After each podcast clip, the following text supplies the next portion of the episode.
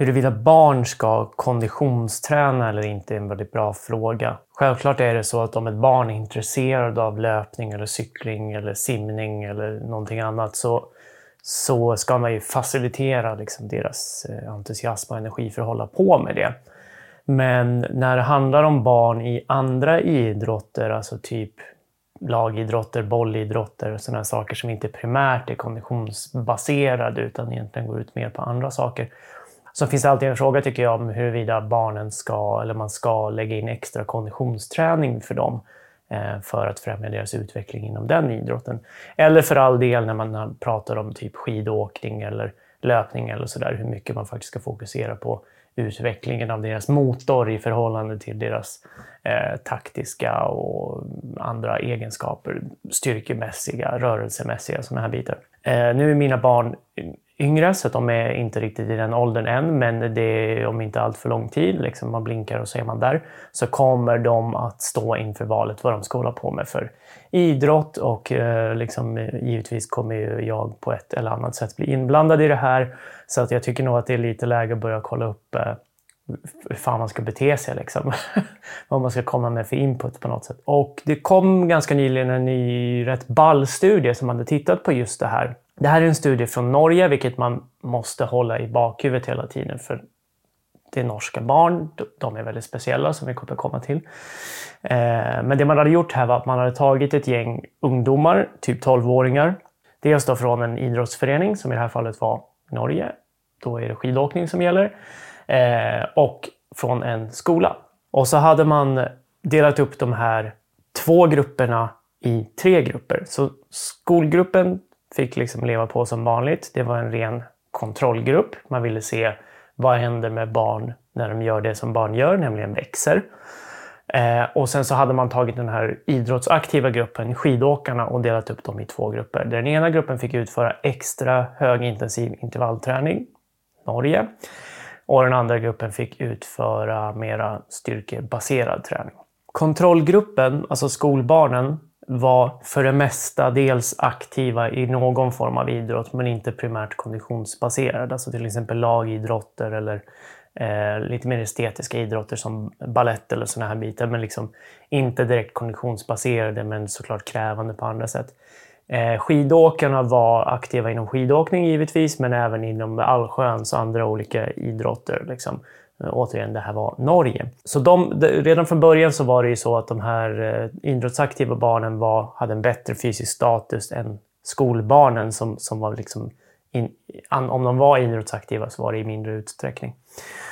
Men det man ville se då var egentligen om den här frågan, huruvida det är lämpligt att ge idrottsaktiva barn då högintensiv intervallträning i förhållande till någon annan form av träning som man tänker kanske utveckla deras eh, koordination, rörelsemönster, återigen då, så man skulle kunna ha taktiska val om vi pratar om eh, löpare eller cyklister eller sådana här bitar.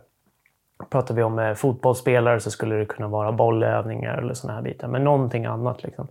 Eh, är det överlägset att lägga till konditionsträning för deras utveckling inom deras idrott. Eh, och så fick de träna på i några veckor. Man mätte före och efter V2 max och man mätte tid till utmattning på ett löpband i takt med att barnen växte. De fick eh, ökad hemoglobinmassa. De fick större fettfri massa, alltså mer muskler. Och de blev liksom större. Så ökade deras VO2 max. Men det man också såg, som svarar på den här frågan på ett ganska bra sätt, var att man ökade inte mer om man hade gjort högintensiv intervallträning kontra om man hade gjort någon annan form av träning, typ styrketräning, koordinationsträning eller så. Det innebär ju för en konditionsidrottare att på kort sikt, när du är i den här åldern, så finns det annat som du nog tjänar mer på att lägga tid på än högintensiv intervallträning. Det innebär också för, om man går tillbaka till min ungdom, då, när jag, när jag, det kan man ju inte tro när man tittar på mig nu, men jag spelade fotboll en gång i tiden. Då hade vi ganska mycket konditionsträning. Vi körde väldigt mycket idioten, eh, alltså springa fram och tillbaka tills man stupar. Vi körde väldigt mycket springa runt planen. Eh, den typen av aktiviteter var liksom rätt genomgående. Och så här i efterhand så kan man ju liksom fråga sig själv, vad gjorde det där i förhållande till att bara passa en boll eller liksom joxa med trasan lite eller göra någonting helt annat, vara på gymmet eller någonting i den stilen. Alltså lära sig färdigheter, lära sig rörelser, utveckla sig på andra sätt som kommer hjälpa en framöver.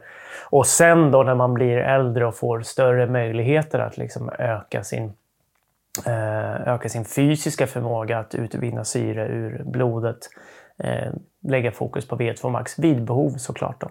För man ska också komma ihåg att liksom även smålagsspel och, och andra typer av övningar, liksom, det är ju konditionskrävande.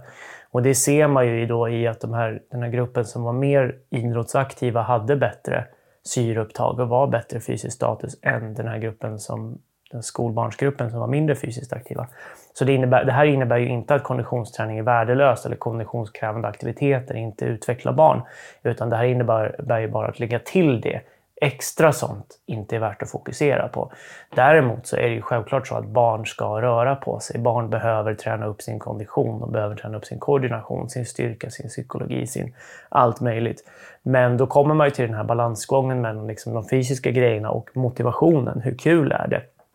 Tycker man inte, som jag inte tyckte när jag var liten, att det var kul att springa utan ville spela fotboll, då vore det bättre att lägga mer tid på det. Liksom, eh, tycker man att det roligaste är att tävla mot sina kompisar i skidåkning så är det bättre att lägga tid på än att köra högintensiva intervaller. För liksom, i det stora hela så kommer inte det utveckla barnet särskilt mycket och det kanske bara tippar liksom risken över mot att de lägger av lite tidigare än vad de annars skulle ha gjort.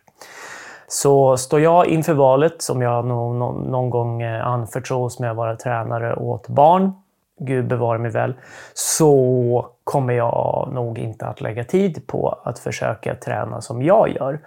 Eh, alltså att liksom lägga på dem tuffa intervaller, utan bättre någonting som utmanar deras fysik men som primärt utvecklar deras förståelse för idrotten som sådan. Liksom. Vad nu det kan vara, beror på vad det är för idrott. Det var egentligen det hela. Norge är ett väldigt speciellt land och det är ju kul att de eh, forskar på barnen där för då får man ju läsa om hur, eh, hur roliga de är.